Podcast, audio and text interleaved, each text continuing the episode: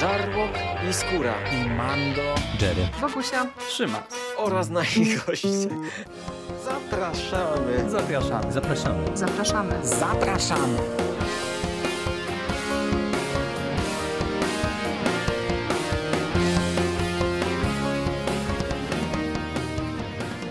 Witamy w konglomeracie podcastowym, czyli na platformie, która zbiera wszystkie Wasze ulubione podcasty w jednym miejscu.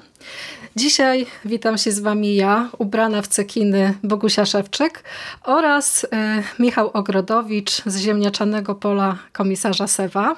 Y, z brylantyną na włosach, roztańczony, rozśpiewany. Cześć! Można tak powiedzieć. Witam cię serdecznie Bogusiu i witam was serdecznie nasi drodzy słuchacze. Będziemy dzisiaj rozmawiać o gorącej premierze, o filmie, którego chyba y, nikt nie potrzebował, ale wszyscy go dostaliśmy i to całkiem niedawno, bo bohaterem dzisiejszego podcastu będzie e, najnowszy film Baza Lermana, e, film zatytułowany Elvis, biografia Elvisa Presleya i od razu już na samym starcie Sef muszę cię zapytać, czy po tym seansie w twoich, w twoich żyłach płynął rock and roll? To znaczy, y, ja muszę zaznaczyć jedną bardzo ważną rzecz, bo na pewno dzisiaj trochę o muzyce będziemy mówić, ale trzeba, ja muszę na wstępie zaznaczyć, że ja jestem niemalże muzycznym analfabetą. Znaczy się, wiele piosenek kojarzę, wiele piosenek słyszałem, ale nigdy nie wiem, kto je śpiewa, nigdy nie wiem, jak się nazywa zespół, która piosenka jest ewentualnie czyją wersją, remixem i tak dalej. Mhm. Ale sam fakt tego, że podczas tego filmu praktycznie co kilka minut łapałem się na zasadzie ej, ja kojarzę tą piosenkę, ej, ja już ją kiedyś słyszałem i tak dalej, i tak dalej, e, świadczy o tym, że no mamy do czynienia z wyjątkowym twórcą, bym powiedział. Ale odpowiadając na twoje pytanie, nie powiem, przez dużą część filmu, jak nie większość, e, przysłowiowa nóżka podskakiwała w kinie. I autentycznie pod tym kątem jest tutaj sporo elementów, które sprawiają, że ten rock and roll e, płynął w żyłach dosyć mocno. Tak, to jest taki film bardzo pulsujący, rozśpiewany i taki też sensualny i trochę erotyczny. Będziemy też, e, myślę, e, omawiając technikalia i kreację głównego bohatera trochę e, na, te, na ten temat mówić, ale oczywiście nasza dyskusja musi rozpocząć się e, od e, też jednego takiego dużego pytania, które powinniśmy sobie postawić na samym starcie, czyli o co chodzi z tym Elvisem?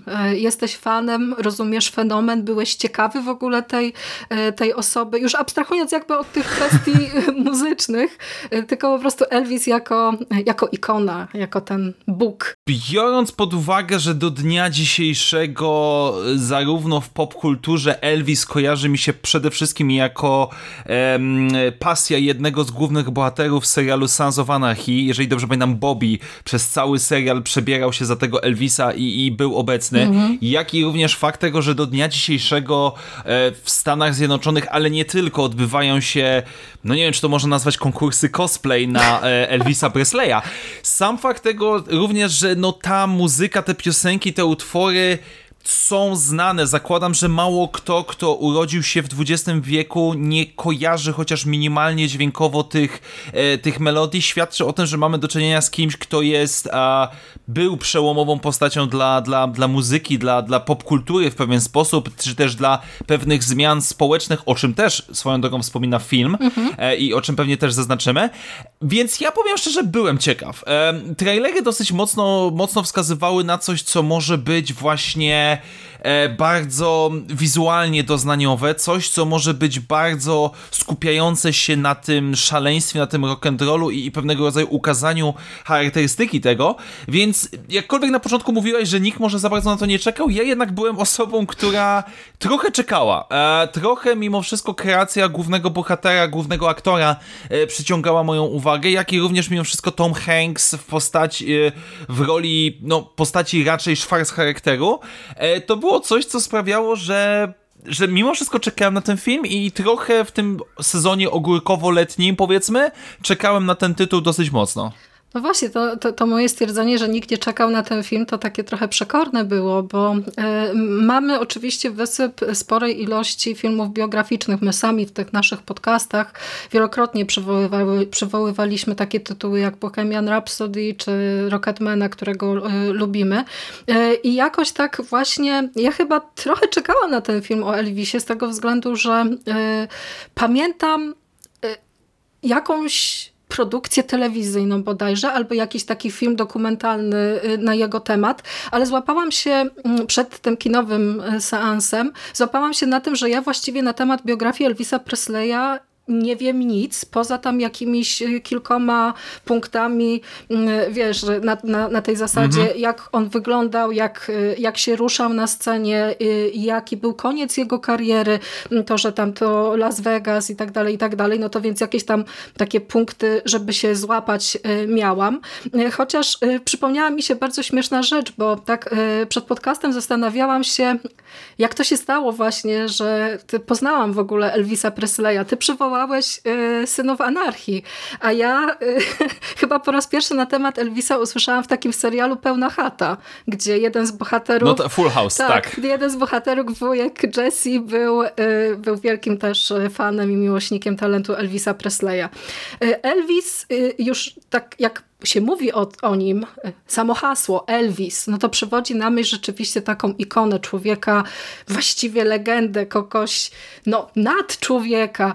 Jest to właściwie określenie nie tylko artysty, ale przede wszystkim jakiegoś takiego właśnie potężnego fenomenu społecznego, kulturowego, bo ten kult trwa i to, o czym wspomniałeś, jakieś tam spotkania właśnie z sobowtórów i to, że fandom Elvisa Presleya jest też bardzo aktywny cały czas, że te piosenki się sprzedają, E, że ta muzyka jest grana, że gdzieś tam e, w przestrzeni popkulturowej jest cała masa właśnie jakichś takich wizualnych nawiązań lub jakichś cytatów e, odnoszących się do Elvisa Presleya, no to to już świadczy o tym, jak ogromną osobowością Elvis Presley musiał być, co wydaje mi się też właśnie rzeczą zaskakującą w takim charakterze globalnym z powodu tego, że Elvis, i o tym nie wiedziałam, nie miał trasy koncertowej światowej on poza... No, nigdy nie opuścił Stanów Zjednoczonych Właśnie, artystycznie. Wow, to jest po prostu coś, coś niesamowitego, a ta jego legenda i ta jego pewnego rodzaju przełomowość w,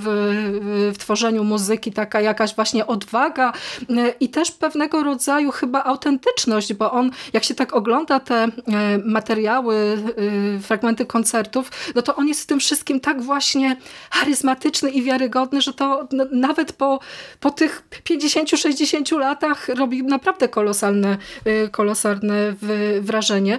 Y, do tego podcastu też podeszłam trochę inaczej, bo ja jestem taką osobą, jak słuchacze doskonale wiedzą, która całą masę rzeczy doczytuje, a w przypadku, a w przypadku y, biografii naszego dzisiejszego bohatera to stwierdziłam, że jednak chyba nie ma sensu powoływać się na różnicę pomiędzy tym, co Lurman pokazuje w swoim filmie, a tym, co było naprawdę, tylko trzeba ten film po prostu potraktować jako e, autonomiczną, odrębną całość, bo to nie jest taki klasowy film, taki typowy film biograficzny, prawda? To znaczy, wiesz co, powiem ci w mniej więcej 60-60% rzeczywiście nie jest. I mam tutaj na myśli te pierwsze półtora godziny, powiedziałbym, filmu, mhm.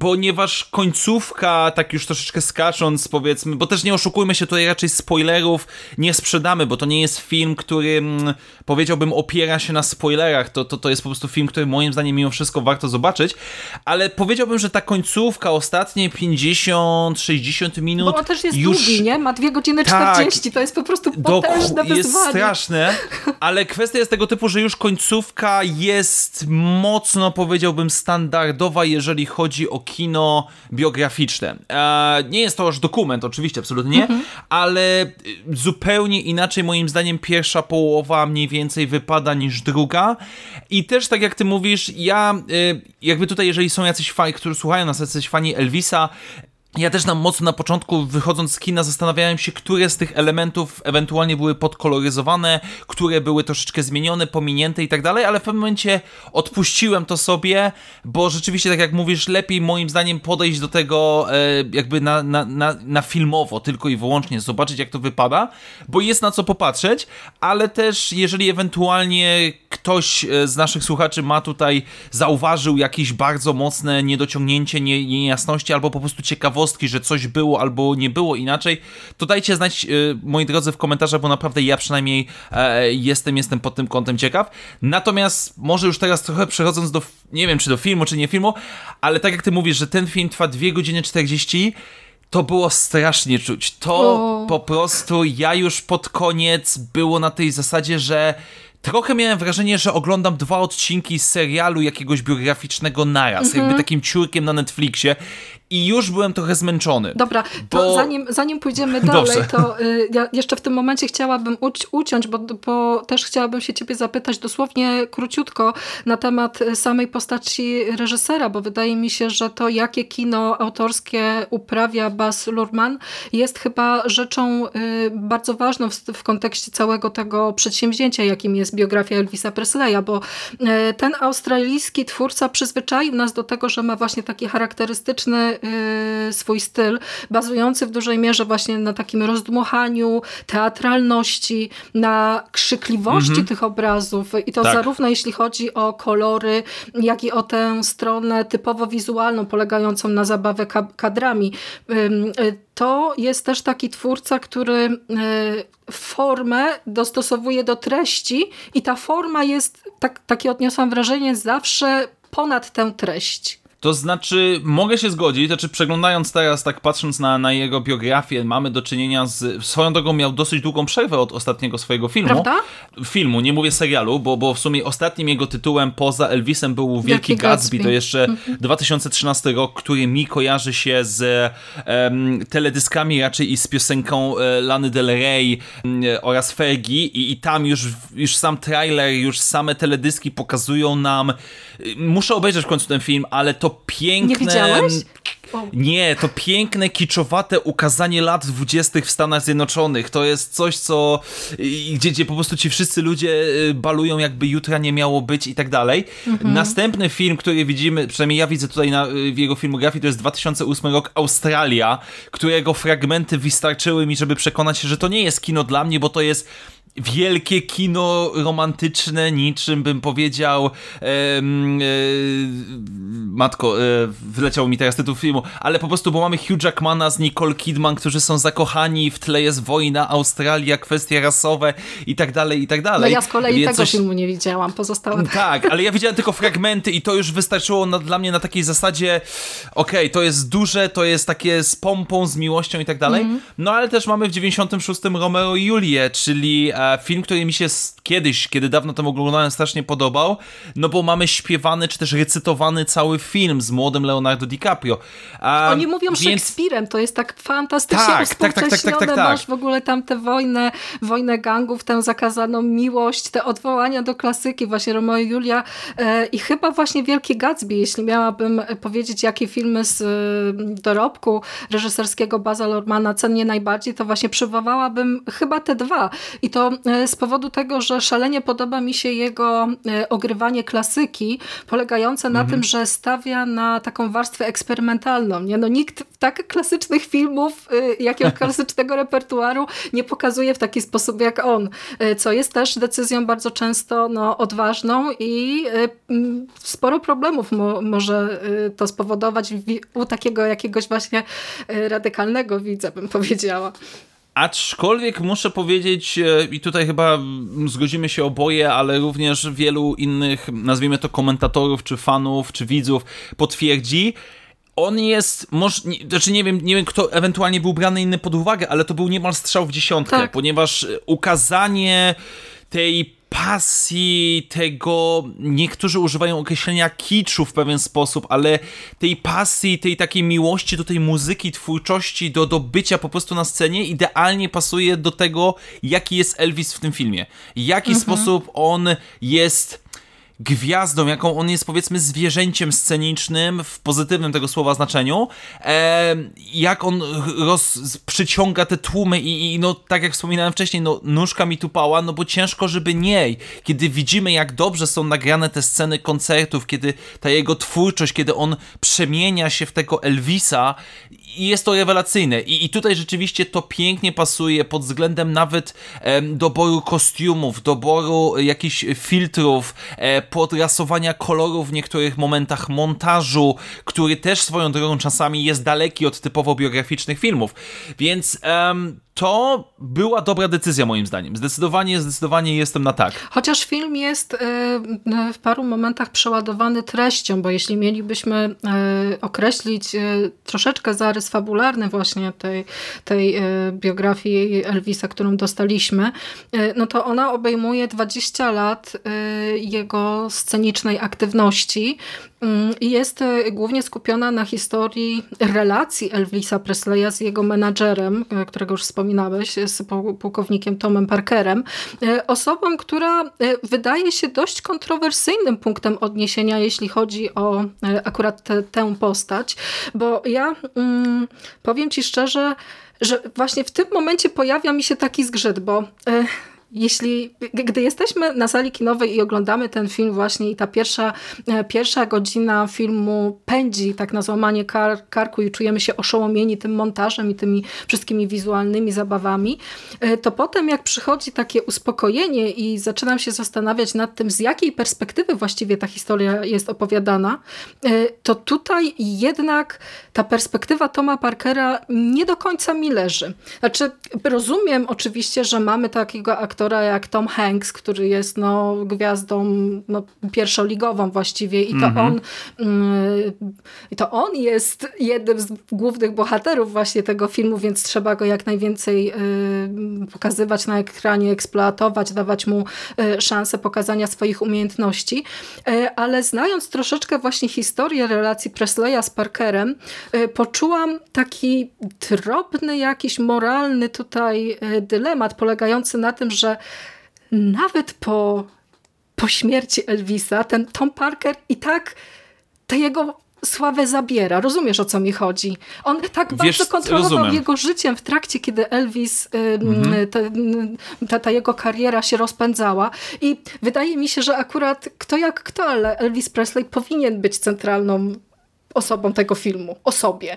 To znaczy tak, znów ja mówię z perspektywy osoby, która przed filmem absolutnie nie wiedziała, kim jest pułkownik Tom Parker. Ale on się a... sam w pierwszej scenie filmu przedstawia jako taki główny złoczyńca. To ja jestem najgorszy w tej historii. Już jakby... Znaczy, według, ale nie, nie, on, on mówi, że jest najgorszy według innych, że inni, drogi widzu, ci powiedzą, że to ja zabiłem Elvisa i tak dalej, i tak dalej. Mhm. I biorąc pod uwagę um, jego znaczenie dla kariery Elvisa Presleya, tego, że on go w pewien sposób e, wyniósł na pierwsze okładki, to jak kontrolował, nie kontrolował, pomagał, a potem już zmuszał do tras koncertowych takich i innych, e, do tego całego wpływu, no ta postać musiała być. I mimo wszystko inaczej, sam pomysł tego, że, że w pewien sposób e, Parker e, opowiada ze swojej perspektywy, czy też powiedzmy próbuje się bronić w jakiś sposób, on przedstawia nam jakiś tam case um, przed nami widzami, nie jest moim zdaniem aż takie złe, ponieważ mamy bardzo mocno zarysowaną tą różnicę, przynajmniej ja to tak odbieram, różnicę między tymi dwoma postaciami, bo z jednej strony mamy Elvisa Presleya, który po prostu kocha to, co lubi, który widać, że jeżeli wierzyć filmowi, on robi, tworzy tą muzykę, bo chce, bo chce ją dawać ludziom, bo chce po prostu, żeby ludzie się dobrze przy niej bawili. On nie rozumie, czy, czy powiedzmy, nie, nie pojmuje, jak mogą być jakieś kwestie moralne, rasowe, czy jakiekolwiek polityczne związane z jego muzyką, bo on po prostu chce wziąć gitarę i zaśpiewać, zagrać, zatańczyć. A z drugiej strony mamy postać, która absolutnie nie byłaby artystą, ale doskonale ma smykałkę do biznesu tego bezwzględnego i która to wykorzystuje i jest to pokazane te dwie sprzeczności. Mamy po raz kolejny wielkiego geniusza, artystę, który jest absolutnie rewelacyjny i kogoś, kto eksploatuje go w pewien sposób, mniej lub bardziej, no niemalże do cna, tak jak niektórzy mogliby po, po tym filmie powiedzieć, więc sam punkt wyjścia dla mnie nie był zły. O wiele większym problemem była kreacja tej postaci, czy, czy, czy to sposób, w jaki pułkownik Tom Parker został e, zaprezentowany, nawet nie zagrany, tylko wyreżyserowany, bym powiedział. No właśnie, skoro już rozmawiamy o Tomie Parkerze, no to y, możemy na chwilę właśnie zatrzymać się y, przy Tomie Hanksie i przy y, jego y, aktorskiej kreacji.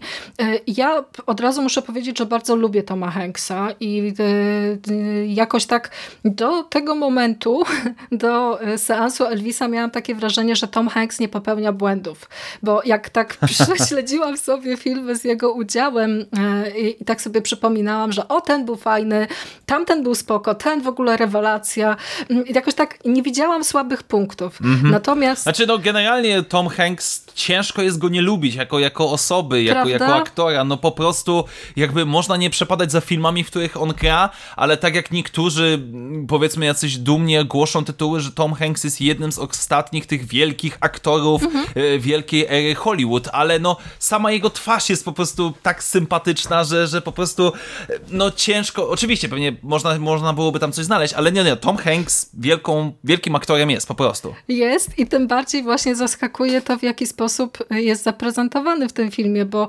e, to, co powiem, będzie dla mnie bardzo smutne, ale uważam, że Tom Hanks jest jednym z najsłabszych elementów całej tej historii. Po prostu jego postać Toma Parkera wydaje mi się e, z jednej strony szalenie niewiarygodna właśnie z powodu tego, że kojarzę Toma Hanksa jako takiego poczciwego, sympatycznego kolesia no tak. i umiejscowienie go e, w roli czarnego charakteru i to jeszcze te pod, pod, podbudowanie go, e, zrobienie z niego takiego jakiegoś totalnego złola.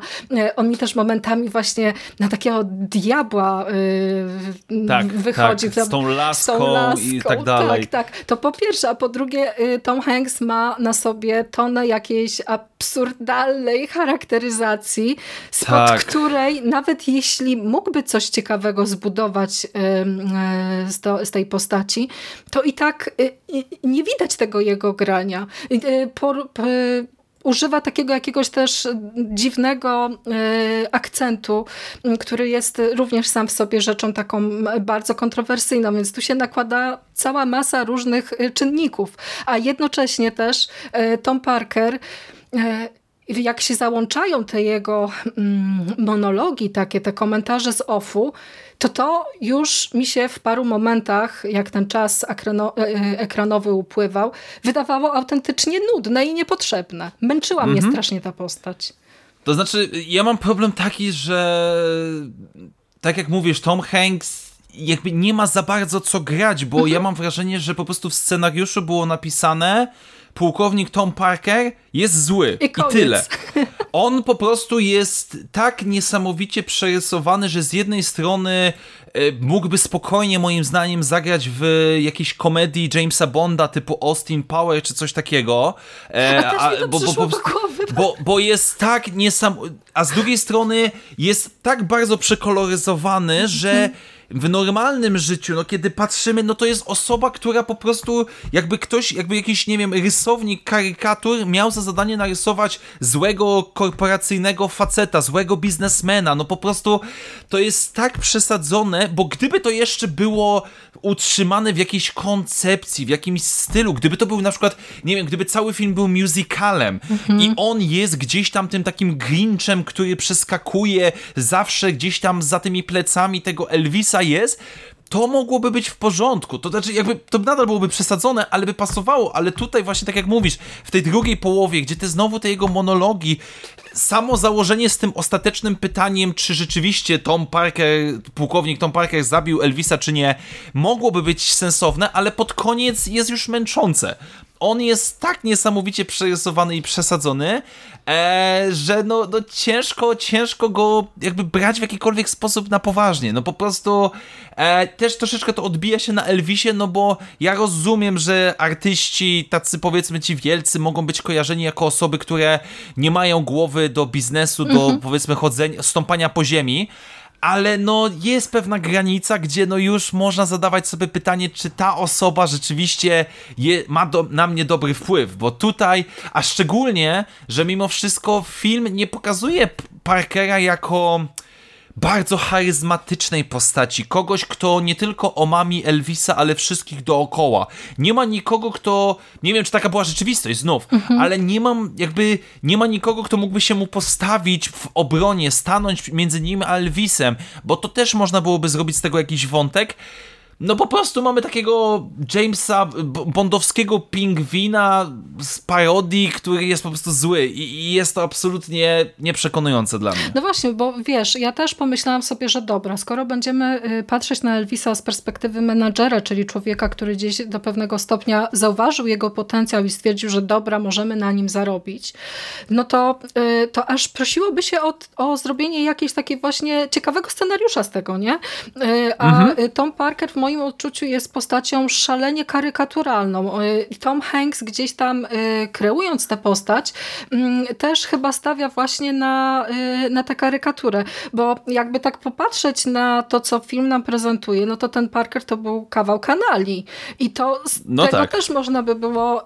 wycisnąć po prostu wszystko, co się dało, nie? bo to był z jednej strony facet podstępny, inteligentny, bo są w Elvisie przecież takie sceny, kiedy widać, że on nawet na nienawiści do swojego y, podopiecznego chciał zarabiać. Nie? Tam był taki wątek -hmm. z tymi plakietkami. Nienawidzę, Nienawidzę Elvisa, tak, Elvisa, z tymi przypinkami. Tak, tak, tak, więc to gdzieś tam ten marketingowy zmysł jest, y, y, jest też widoczny.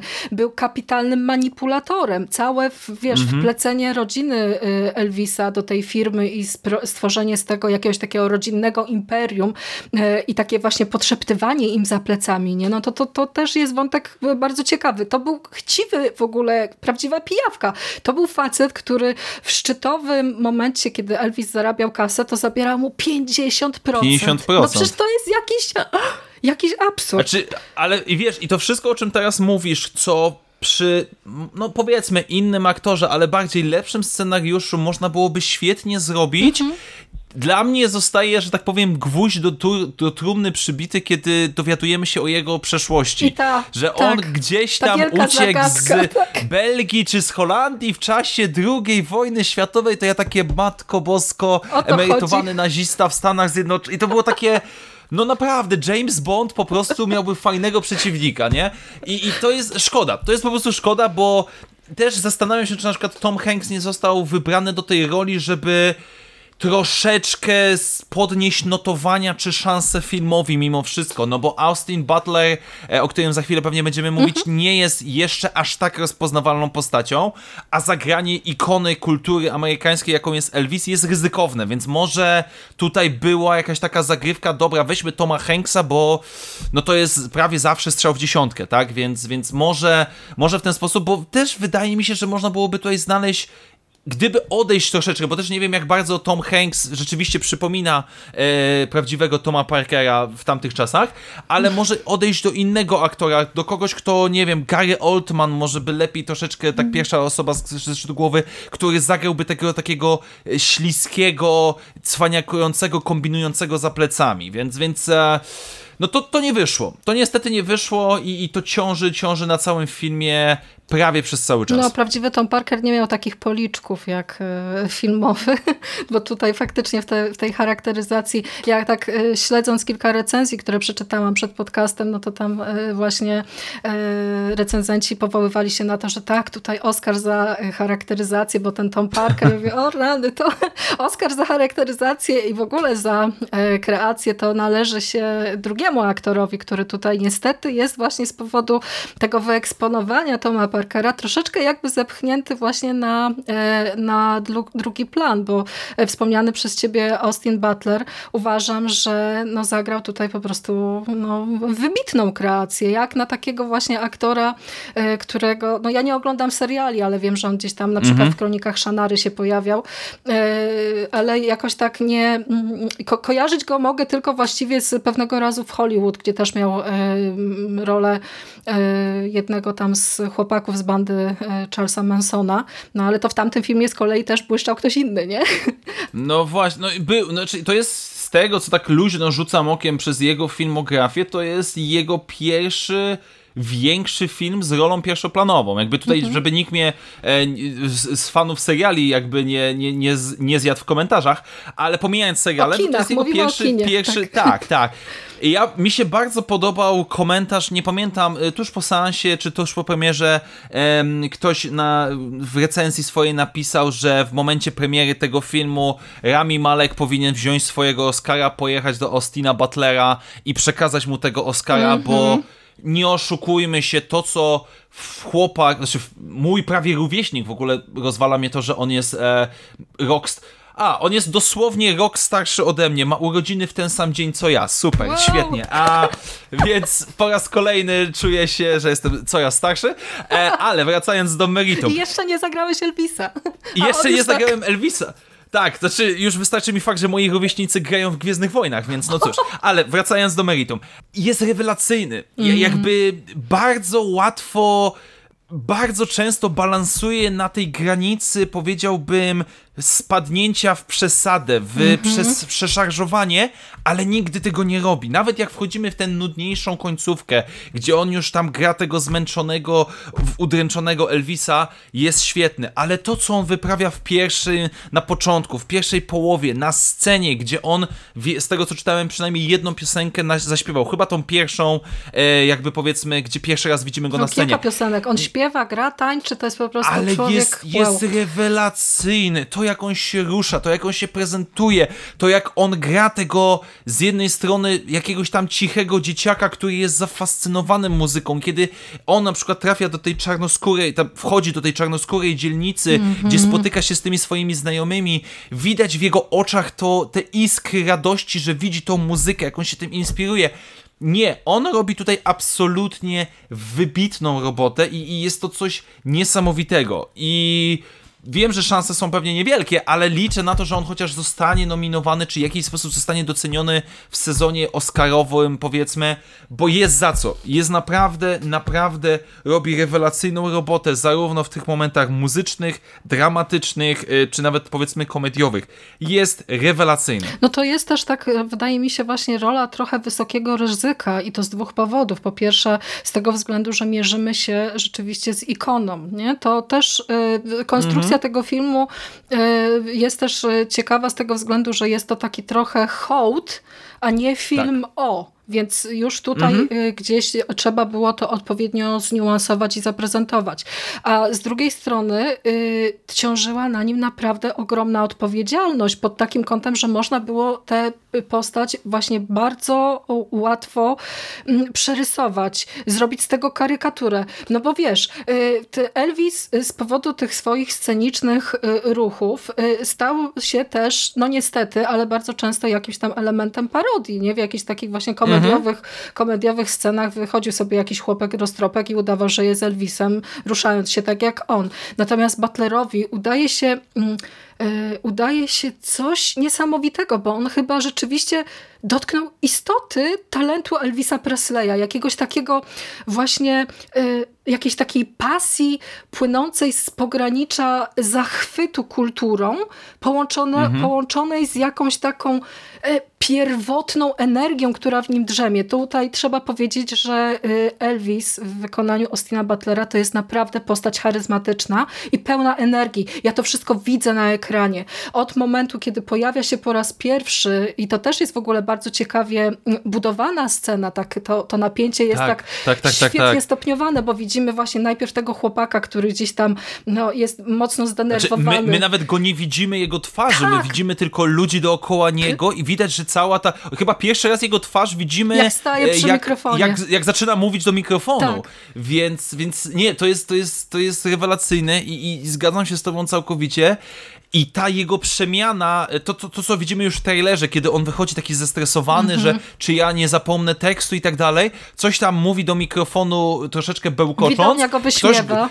tak, wydownia go wyśmiewa i on momentalnie się przełącza i to właśnie to jest rewelacyjne, to jest, to jest przykład prawdziwego, powiedziałbym, aktora, który potrafi to zrobić, no ch- chłopak jest 10 na 10, jeżeli chodzi o dobór aktorski, dobór castingowy i on ciągnie cały ten film, naprawdę, chociażby dla niego to jest coś, co dla mnie na przykład też tego Toma Hanksa nieszczęsnego przeważa. Mogę przeboleć Toma Hanksa, ale za samego Elvisa w wykonaniu Austina Butlera jest, jest cudowny. No właśnie, to przełączenie, o którym wspomniałeś, to też y, wydaje mi się y, bardzo ciekawym elementem y, psychologicznym tej postaci, bo tutaj niestety będę miała pewien zarzut związany z tym, że z powodu formy i z powodu tego całego wizualnego przepychu, którym też za chwilę będziemy mówić, chwaląc mhm. techniczną stronę tej, tej, tej produkcji, no to gdzieś tam zabrakło właśnie mi tego całego takiego psychologicznego właśnie rysu, bo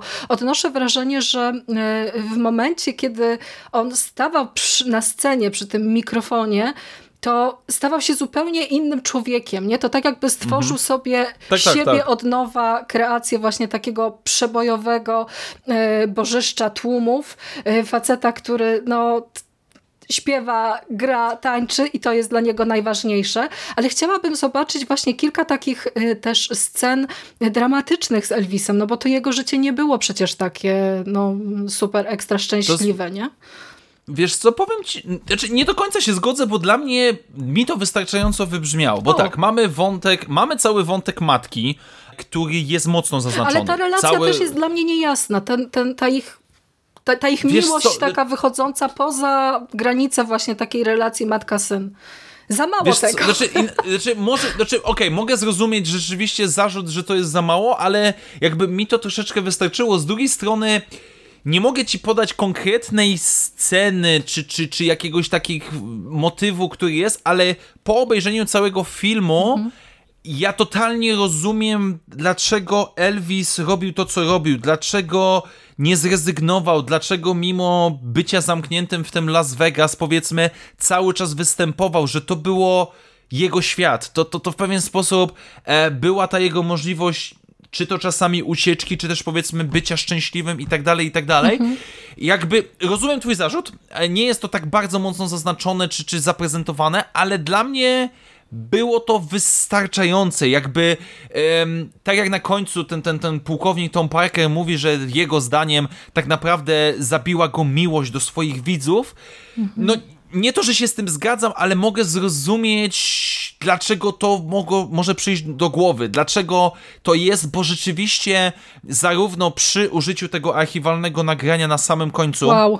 filmu, jak i również tego, co widzimy w filmie, on kochał to robić. On chciał to robić. Stało się jak się stało, ale ja w pewien sposób to kupiłem. Dla mnie to powiedziałbym trafiło, że rzeczywiście mamy do czynienia z facetem, który który uwielbia to, co robi. Mhm. Z powodu tego, że to, ten film obejmuje taki duży wycinek życia Elvisa Presleya, no to ja też e, zdaję sobie sprawę, że nie można było przedstawić wszystkiego. Tutaj musiało nastąpić, e, musiało nastąpić jakieś ucięcie, e, spłycenie pewnych wątków, chociaż e, pod tym kątem biograficznym to ja znowu mam takie wrażenie, że dostajemy lekko ugładzoną biografię, tak jak na przykład Bohemian Rhapsody mieliśmy bardzo mało tych właśnie wątków związanych z, z nałogami, tak samo tutaj, jest to tylko delikatnie e, delikatnie zaakcentowane. Pod sam koniec. Pod sam koniec filmu, mhm. tak. Chociaż ja też właśnie wspominając o tym, że brakuje mi psychologii postaci, to też to, to, to jest potwierdzenie tego, jak bardzo stałam się zachłanna w stosunku do Austina Butlera, bo to, że on fajnie tańczy i świetnie wygląda, to jedno, ale chciałabym też e, jednak zobaczyć ten jego potencjał dramaturgiczny trochę, nie? w jakichś takich poważniejszych scenach, bo e, zastanawiam się, czy on wtedy by udźwignął tę rolę. Chociaż jestem na 90% pewna, że tak, bo faktycznie 15 znaczy, minut wiesz, mamy, mamy tak. kilka, mamy kilka, wiesz, rozmowa z żoną w samochodzie na lotnisku, Bardzo tak? mocna e, scena. Konfrontacja z pułkownikiem, kiedy już ma wyjeżdżać i, i pułkownik tam powiedzmy daje mu ten rachunek. Jest trochę tego. Mimo wszystko bym powiedział, e, że jest, ale z drugiej strony rzeczywiście masz rację, bo można byłoby tego dodać, ale z drugiej strony cały czas ten film ma 2 godziny 40 tak. minut. Jak teraz, jak się teraz tak zastanawiam, to za bardzo nie wiem, gdzie to mija. Jakby z jednej strony mam mhm. wrażenie, że jest tego za dużo, z drugiej strony no jest w, w, samym środku jest bardzo dużo czasu poświęcone, nazwijmy to powrotowi czy odnowieniu Elvisa. Kiedy on zaczyna y, współpracę z tymi nowymi producentami mhm. i tam się zaczyna cała walka o, o wyjazd zagraniczny. Odradza, nie? Tak jak stan Phoenix tak, Te sceny i, są świetne. I, I to jest świetne, tylko że z drugiej strony właśnie mam takie wrażenie, że jest dużo niedopowiedzeń, mhm. ale z drugiej strony już ten film i tak mnóstwo czasu trwa, więc e, i, a też praktycznie zajmujemy się, no tak, bo bierzemy całą praktycznie twórczość Elvisa od momentu jego pierwszego koncertu tak. do prawie jego śmierci, tam od, odliczając 3-4 ostatnie lata powiedzmy, więc, e, więc, więc jest jest dużo, ale mogłoby być więcej i inaczej rozłożone i to jest chyba trochę, powiedziałbym dla mnie główny problem tego filmu, bo z jednej strony pierwsze półtora godziny uwielbiam, kiedy on jest właśnie tym taką szaloną podróżą z muzyką. Mi się niesamowicie podobało to i ja na to zwróciłem bardzo szybko uwagę, że przez pierwszą godzinę prawie cały czas towarzyszy nam muzyka. Cały czas tak. ktoś śpiewa w tle, gra, coś się dzieje, przechodzi to płynnie strasznie mi się podobało na przykład fakt tego, że znów, kiedy Elvis pojawia się e, powiedzmy w czarnoskórej e, dzielnicy, mamy jakiś współczesny hip-hop, który łączy się z tą twórczością, którą on słuchał, kiedy był dzieciakiem, mhm. więc jest pokazywane tak w tle jego znaczenie dla popkultury, jak to się wszystko łączy dla muzyki. I to jest super, i to jest rewelacyjne.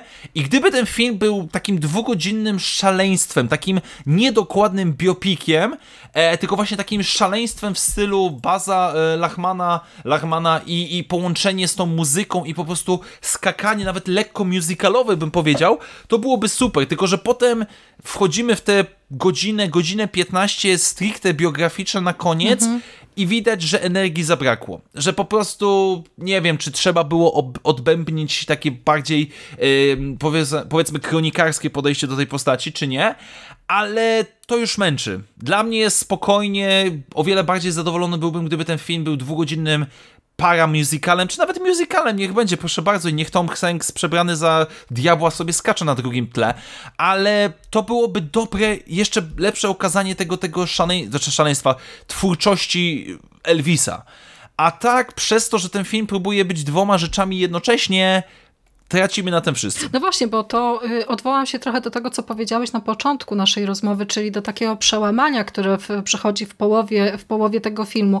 Ja właśnie y, jestem bardzo zaskoczona tym, że y, Lurman tutaj nie poszedł na całość, nie? No bo można by z tego mhm. zrobić wodewilowe, po prostu potężne, wizualne widowisko, ale to tak jakby on w, gdzieś mniej więcej w połowie stwierdził, że no dobra, ale jednak kurczę, biografia, więc tutaj też by coś trzeba z tego wszystkiego umieścić. Jakieś takie właśnie punkty y, z biografii y, y, Elvisa, coś, żeby właśnie jeszcze bardziej tę postać uczłowieczyć.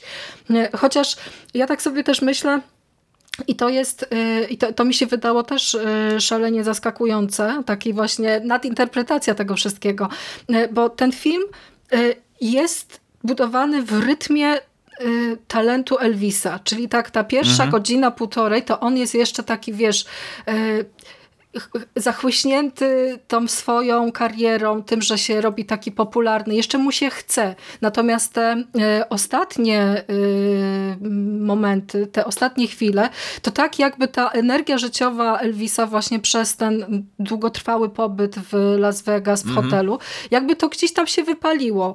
Więc można to też spojrzeć na to w, w, w takiej metaforycznej kategorii, nie? że... Mhm. No dobra, mogę to zrozumieć, tak. No, ale... Nie, można tak tak spojrzeć. Ale wątek na przykład żony y, Elvisa jest y, strasznie potraktowany po macoszemu. Tutaj w ogóle wydaje mi się, że drugiego i trzeciego planu, jeśli chodzi mm, o aktorów, no to ja tutaj nie widzę. Tu się skupiamy tylko i wyłącznie właśnie na Hanksie i, i Austinie. I to wszystko jest dodatkowo podlane właśnie takim y, szalonym, kolorowym sosem. Co sprawia, że film pod kątem technicznym no jest po prostu mistrzostwem świata. To jak się ogląda te pierwsze, tę pierwszą godzinę, czy pierwsze mm -hmm. półtorej godziny, to jest po prostu no, mistrzostwo, czat. Nie, to jest, to jest piękne. To jest, znaczy, tak jak mówię, my w pewien sposób płyniemy z muzyką przez pierwszą godzinę, przez całe to życie, przez wszystko i, i to jest cudowne. To jest, to jest prześliczne, wspaniałe, piękne, jestem zachwycony. Jest to momentami kiczowate, jest to może przekolorowane, dosłownie przekolorowane, bo mam wrażenie, że kiedy mamy tą e, dzieciństwo Elvisa Presleya, mhm. e, to mam wrażenie, że tam mamy takie bardzo mocno podkręcone kolory, e, ale też fakt tego, że my w pewnym momencie dostajemy komiksową historię, znaczy się mamy po prostu rysunki komiksowe, jak Elvis przeprowadza się z mamą do tam tej biednej e, dzielnicy dla czarnoskórych. Kapitalne to jest. E, to jest super i to jest właśnie, i to mi się podoba, bo to jest Pasuje do też tej troszeczkę, historii, mhm. tak, do, bo mamy pokazaną historię człowieka, który nie bał się brać motywów, wątków, pomysłów z różnych środowisk. Nie obchodziła go polityka, nie obchodziły go kwestie społeczne. Mhm jemu podobała się muzyka. I to było też podpięte pod, yy, pod ten film w pewien sposób. Więc yy, i to było dobrą charakteryzacją, zaprezentowaniem tego wszystkiego. I w sumie teraz, jak teraz to mówi, tak teraz o tym myślę, to może masz troszeczkę rację z tym, że rzeczywiście ta godzina, ta druga połowa staje się taka bardziej powszechna, taka bardziej powiedzmy w cudzysłowie szara, mhm. bo to szaleństwo przemija, tak? Jakby on sam trochę się kończy, trochę jakby e, zamyka się w sobie, czy, czy powiedzmy ubywa mu tych sił ze względu na to, co się dzieje w jego życiu. Można to w ten sposób odbierać, ale nie zmienia to faktu, że jest to trochę no z, może nie rozczarowujące, ale smutne w jakiś sposób. Wolałbym chyba raczej jednak takie podejście na pełnym szaleństwie do końca i niech Elvis w finale filmu odjeżdża w swoim kabriolecie w stronę, nie wiem, świętego Piotra w bramie, czy coś w tym stylu. To by pasowało. Przy dźwiękach... Tak, jakby jakiegoś Au. czegoś takiego, a nie końcówka, znaczy końcówka, która jest bardzo standardowa, czyli mm -hmm. na, e, dziennikarz radiowy, który mówi, że dzisiaj Elvis Presley zmarł, mamy czarno-białe zdjęcia z jego pogrzebu i tak dalej, i tak dalej. I to hasło Więc, Elvis no... opuścił budynek, nie? To... Tak, tak, tak, dokładnie. Chociaż ja właśnie po wyjściu z kina miałam bardzo taką gorzką e, pigułkę do przełknięcia, bo ten film, pomimo właśnie pewnego takiego powierzchownego charakteru, jeśli chodzi, chodzi o scenariusz, to on stawia jednak e, sporo takich pytań właśnie związanych z tym, jaka jest cena e, komercyjnego mhm. sukcesu. Jak to jest możliwe, że w latach właśnie 50., 60. te kontrakty były budowane w taki sposób, że nie miało się praw właściwie do, ani do swojego wizerunku, ani do swojej twórczości.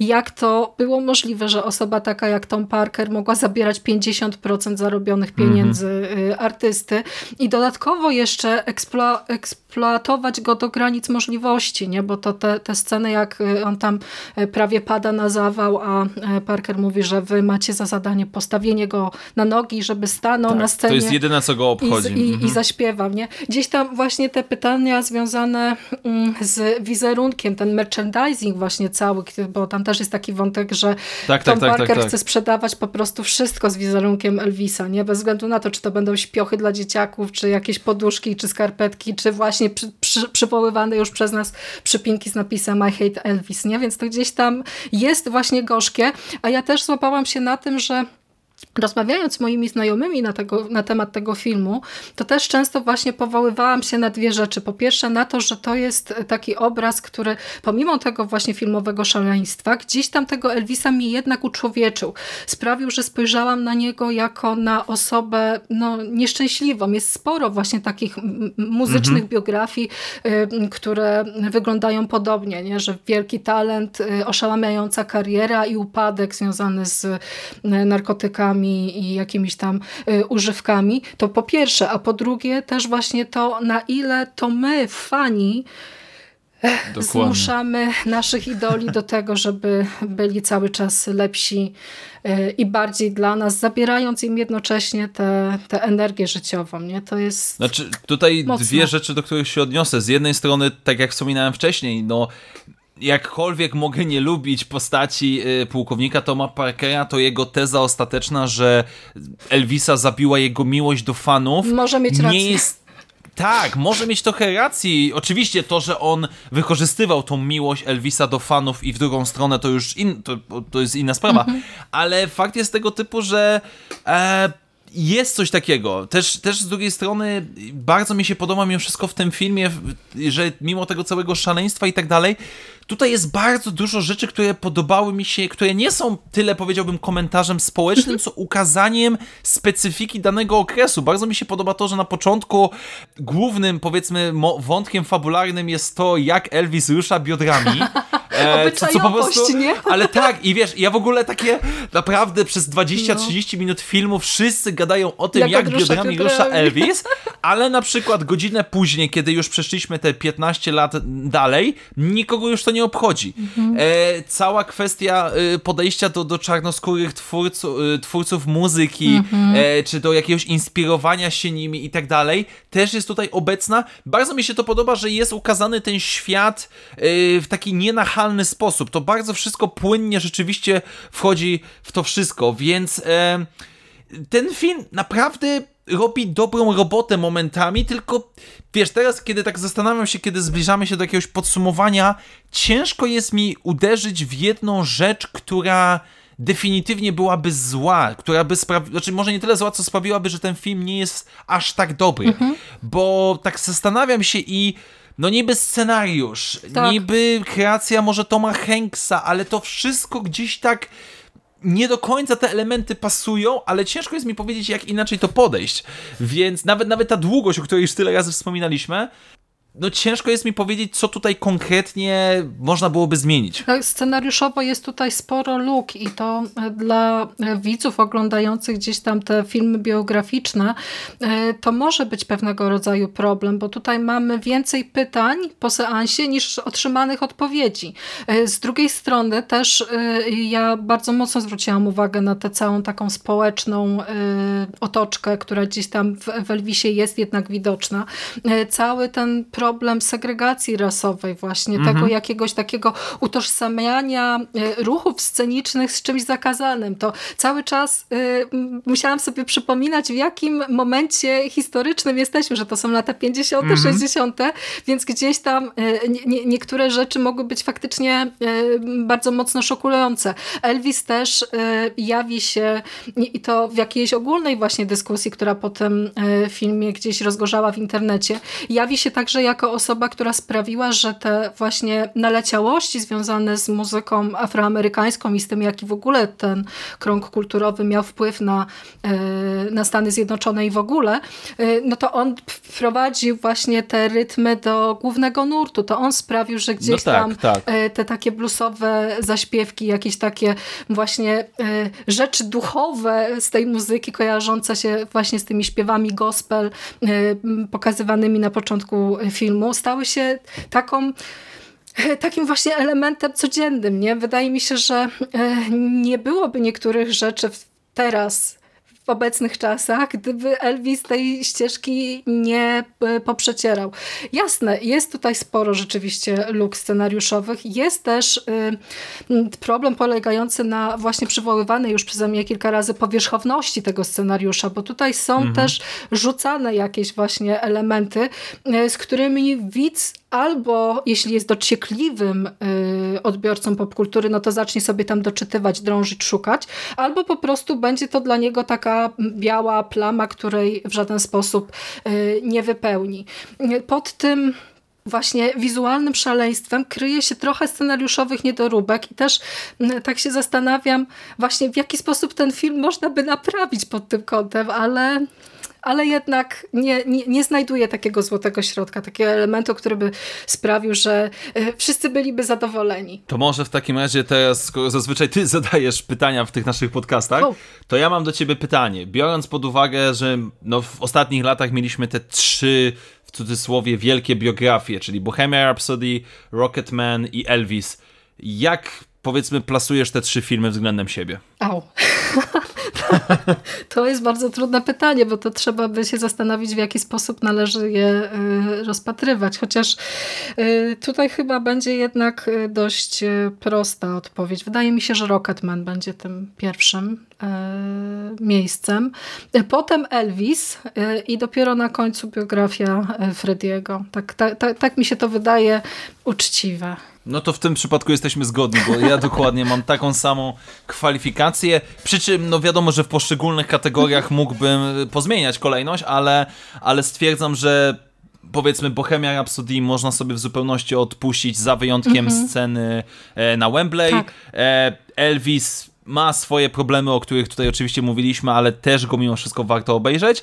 A Rocketman, mimo że aktorsko jest też rewelacyjny, no bo Taggart Egerton jest kochanym moim aktorem, ale troszeczkę gorzej wypada niż mimo wszystko Austin Butler, bo aż tak się nie zjednoczył z Eltonem Johnem, ale ogólnie, właśnie chyba bardzo mi się podoba to, że e, Rocketman właśnie w pełny, na, na 100% poszedł w tą musicalowość. Tak. Tak, mm. i tego brakowało Elvisowi, powiedziałbym, do końca.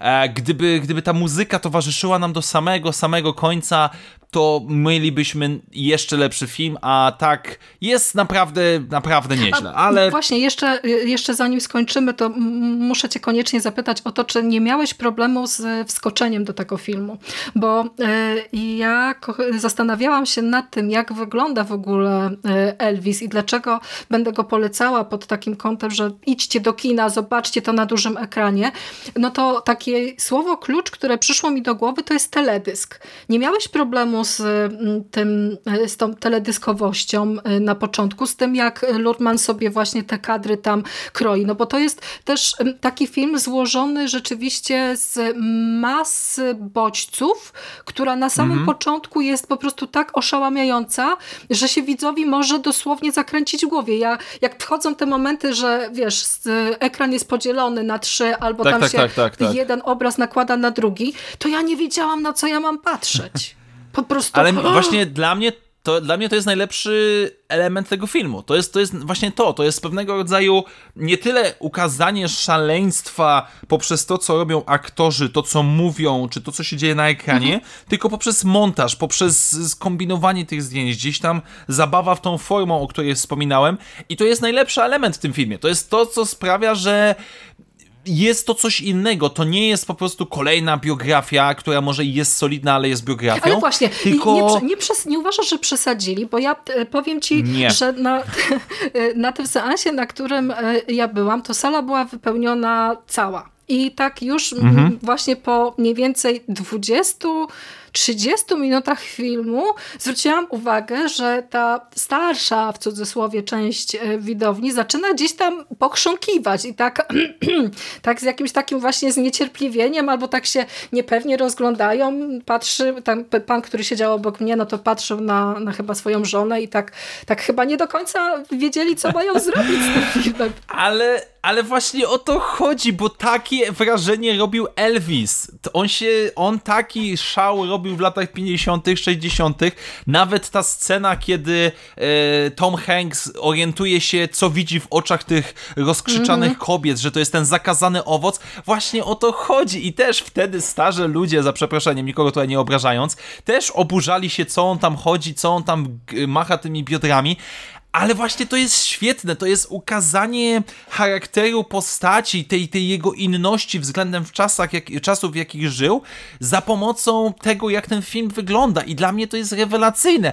Totalnie rozumiem, dlaczego to jest męczące. Mhm. Totalnie rozumiem, dlaczego e, można w pewien sposób się czuć zagubionym, ale o to chodzi. To jest to szaleństwo, to jest ta sceniczność, którą ja kupuję i która byłaby dobrze zrobiona przez dwie godziny, dostalibyśmy rewelacyjny film, która w pewnym momencie się kończy i przemienia się w tą staty, może nie statyczność, ale tradycyjne podejście, ale dla mnie to nie był problem, ale z drugiej strony totalnie rozumiem, jeżeli dla kogoś to było za dużo czy za mocno. Tak, ja uważam, że ten film dwie rzeczy ma wybitne i to musi wybrzmieć z tego podcastu. Przede wszystkim ścieżkę dźwiękową, którą już tutaj e, Sef chwalił, te wszystkie właśnie jakieś takie połączenia, bo e, po filmach biograficznych też oczekujemy często właśnie muzyki, to już wspominałeś, ale ja się spodziewałam, że ponownie usiądę w fotelu e, kinowym i usłyszę takie the best of, nie? Te utwory mm Elvisa, tak, które tak, gdzieś tak. tam będą właśnie sobie w tle pobrzmiewały, a tutaj jest cała masa nowoczesnych aranżacji, gdzieś tam właśnie jest to zmiksowane z głosem e, Austina Butlera,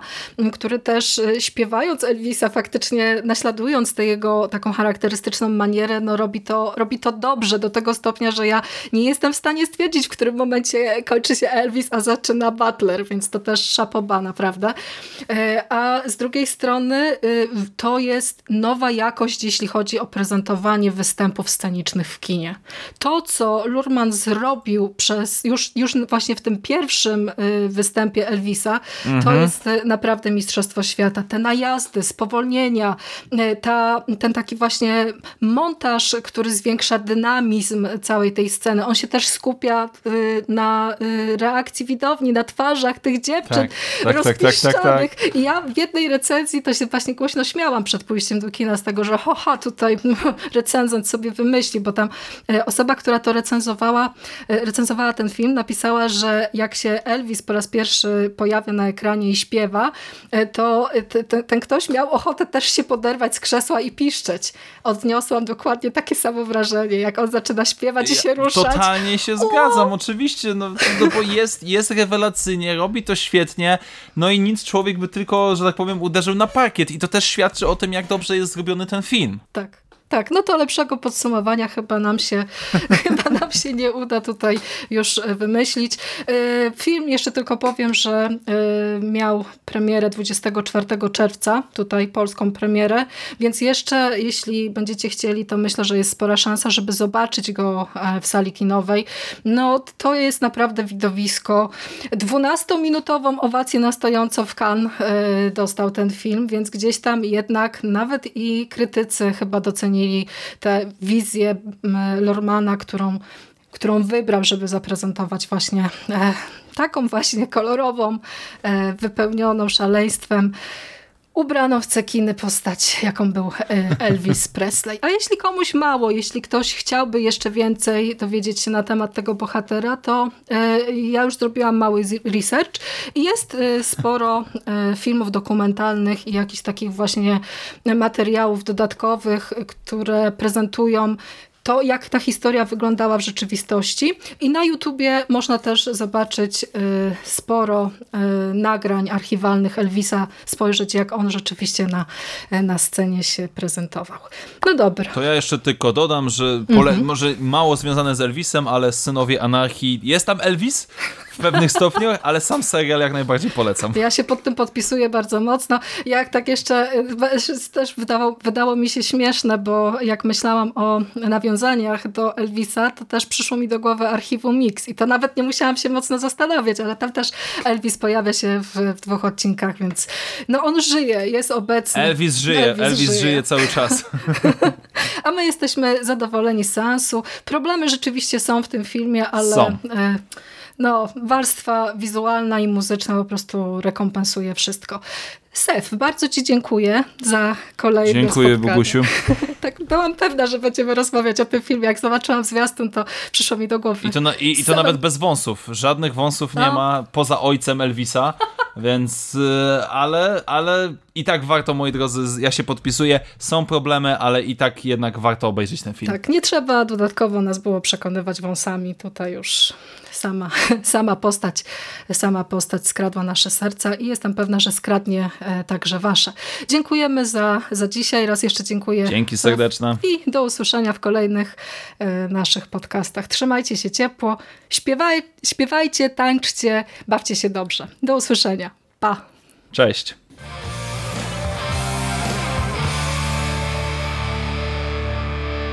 You finished? That's it, man. Game over, man. Fuck are we gonna do now? What are we gonna do? It's over. Nothing is over! Nothing! You just don't turn it off!